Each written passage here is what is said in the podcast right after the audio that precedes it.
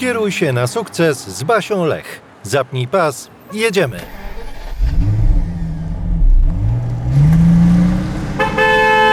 Po co ci biznes?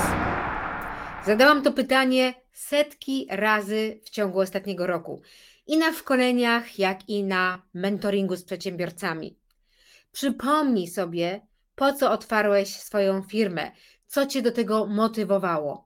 Drugie pytanie, które bardzo często zadaję, kiedy owi przedsiębiorcy przychodzą do mnie ze swoimi problemami, którymi są, zgadłeś, pracownicy, to pytanie, po co ci pracownicy? Pomyśl, zastanów się, po co ich zatrudniałeś. I dzisiaj będzie właśnie o tym temacie. Jak ten pracownik powinien dla ciebie pracować i co zrobić, żeby się z nim dobrze dogadać.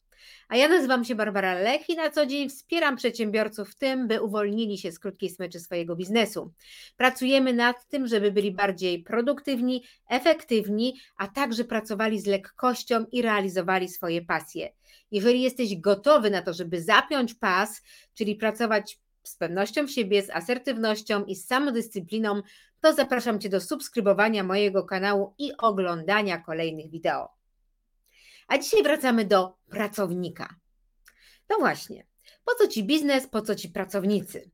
Biznesy, przypominam, otwieramy po to, by generowały zyski. Po to zatrudniamy pracowników, by byli dla nas tym wsparciem i byśmy mogli powiększać swoje biznesy i nie mieć wszystkiego na głowie. Mają nas odciążyć i, i Wam pomóc w tym, co chcemy zrealizować i w osiąganiu naszych celów. Bardzo dużo mówi się o tym, jacy to przedsiębiorcy są niedobrzy, jacy to szefowie są wymagający, jak naginają granice i jest bardzo dużo materiałów w internecie dotyczących tego, jak asertywnie komunikować się z pracodawcą. Ale kiedy zrobiłam ostatnio na Instagramie ankietę i zapytałam, czy chcecie mieć wideo o tym, jak to szef powinien komunikować się z pracownikiem, no to bardzo wiele osób zgłosiło się, że to jest to coś, czego brakuje. I o tym będzie ten krótki cykl, y, o tym, jak asertywnie rozmawiać z pracownikiem, ale też o tym, jak w ogóle przygotować się do tego, żeby z nim móc rozmawiać konkretnie i rzeczowo. Do tego musi być spełnione kilka warunków. No i zaczynamy po kolei. Przede wszystkim chciałabym Ci przypomnieć, jak wygląda bardzo prosta ścieżka e, wzrostu Twojego biznesu. Przede wszystkim musisz mieć plan. Oczywiście wcześniej cel, do którego dążysz, ale zaraz za nim idzie plan zrealizowania tego celu. Potem wdrażasz działanie samodzielne albo właśnie we wsparciu Twoich pracowników albo partnerów biznesowych, których zapraszasz do współpracy, czy innych podmiotów, z którymi realizujesz ów cel. Za tym działaniem musi iść coś, o czym bardzo często zapominamy, co jest dla nas niewygodne, czego nie jesteśmy nauczeni, bo mowa tu o kontroli, czyli zatrzymaniu się i skontrolowaniu tego, jak nam idzie, w jakim miejscu jesteśmy. I w piątym punkcie modyfikujemy działania między innymi przez feedback, informację zwrotną, a także zmianę działań, e, zmianę e, celu, czy zrobienie różnych innych rzeczy, żeby to, co chcemy osiągnąć, miało szansę być zrealizowane. No i znowu wracamy do planu działania, kontroli i modyfikacji, jaka jest niezbędna do tego, żeby zrealizować nasz cel ale właśnie ta kontrola to jest coś, co jest dla nas bardzo trudne, bo boimy się, że urazimy pracownika, że on się pogniewa, że będziemy zbyt wymagający.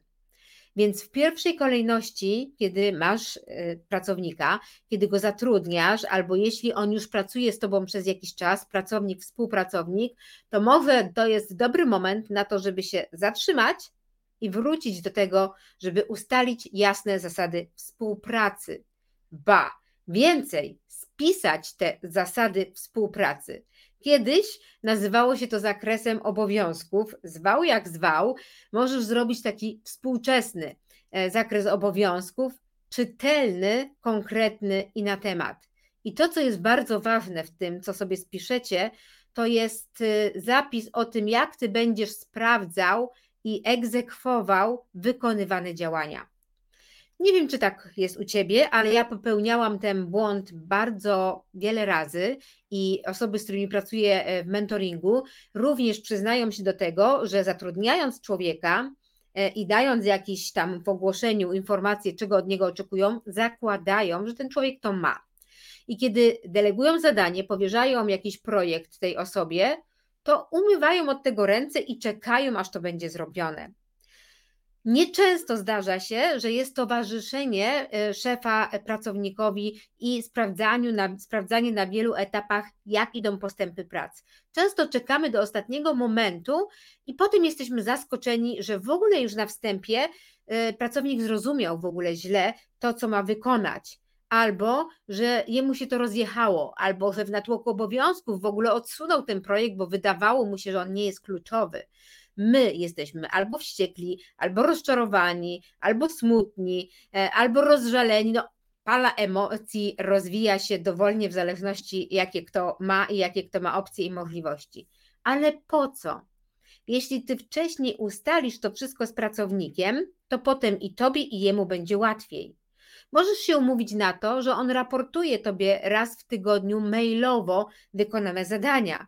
Może to są spotkania raz w tygodniu, raz na dwa tygodnie, raz na miesiąc, tak jak potrzebujesz, podczas których przegadujecie osobiście na Zoomie albo telefonicznie e, zagadnienia, którymi miał się zająć ów pracownik czy współpracownik i patrzycie, jaki jest postęp, czy jesteście w tym miejscu, który był spodziewany w planie, który mam nadzieję jest założony. To mogą być też raporty czy komunikacja w takich programach jak Asana, jak Trello czy w CRM-ie, jeśli takiej firmie posiadasz, ale miejsce, w którym ty możesz śledzić postęp prac pracownika. Jeśli tego nie ma, to trochę po omacku spodziewasz się, oczekujesz, że Twoje zadanie będzie wykonane i właśnie czasami jest to rozczarowanie, że w ogóle to poszło nie w tą stronę, a z braku, uwaga, Twojej kontroli, bo to Twoja firma, to się po prostu rozeszło po bokach. Pracownik musi wiedzieć, czego Ty od niego oczekujesz. Nie zgadywać, nie domyślać się. Gdyby on miał tą y, zdolność, którą Ty masz prowadzenia biznesu, prawdopodobnie nie przyszedłby na etap z Tobą. Jeżeli jest Twoim pracownikiem, to Ty odpowiadasz dalej za swoje przedsiębiorstwo, za swoją firmę, jak również za relacje z tym pracownikiem i weryfikację tego, co on robi. Więc on musi wiedzieć, czego Ty oczekujesz, jak to będziesz sprawdzał i wsparcia Twojego przeprowadzeniu go trochę od punktu A do punktu B, chociażby na zasadzie sprawdzenia, w jakim jesteśmy punkcie. No dobrze, brzmi nieźle, prawda? W zasadzie nawet bardzo prosto. Ale co wtedy, kiedy pracownik nawala, kiedy nie realizuje zadań, kiedy pomimo tego, że przy kolejnym spotkaniu mówisz, dobra, to miało być zrobione, a nie jest, i nawet znasz ten komunikat asertywny, więc lecisz z tym tematem, mówiąc o tym, dobra, jestem zaskoczona, raport miał być przygotowany na dzisiaj, szczegółowy raport, nie ma go, czyli mówisz o faktach, świetnie, y, oczekuję, mówisz o, o oczekiwaniach, oczekuję, potrzebuję, żeby ten raport był u mnie jutro na biurku, albo nawet idziesz głębiej i mówisz do pracownika, na kiedy to najszybciej możesz przygotować, bo miało to być zrobione na dziś. No i pracownik ci podaje jakiś tam termin, możesz z nim ponegocjować, tak, może akurat to będzie coś, co ci pasuje, wszystko jest świetnie. Umawiasz się, wychodzisz do swojego biura, jesteś zadowolony, świetna, konstruktywna rozmowa z pracownikiem, po czym następnego dnia raportu nie ma. Wracasz do pracownika, mówi, kurde, raport, faktycznie, miałem, miałem to na myśli, dobra, już cię za to szefie biorę. A ty masz pianę w tym miejscu, bo sobie myślisz, cholera jasna, przecież miał to zrobić wczoraj, ale nie zrobił, więc miał to zrobić na dzisiaj, na rano, a on w ogóle o tym zapomniał. I tu pojawiają się znowu różne emocje. O tym, jak dać informację zwrotną pracownikowi, jak przeprowadzić feedback, opowiem Ci w następnym odcinku. Więc na początek zrób to, o czym było teraz mówione, czyli cel, plan, działanie, mm, kontrola, modyfikacja i jasne zasady współpracy z pracownikiem, a o tym, jak przeprowadzić taką rozmowę e, i tą dobrą, i tą, gdzie trzeba powiedzieć hello, nie wywiązujesz się ze swoich zadań, o tym będzie w następnym odcinku. A tymczasem zapraszam Cię do zasubskrybowania mojego kanału, bo dzięki temu będziesz zawsze na bieżąco. Dziękuję Ci bardzo za. Uwolnij się z krótkiej smyczy swojego biznesu. Odsłuchaj kolejny odcinek podcastu. Już czas na Twoje efekty.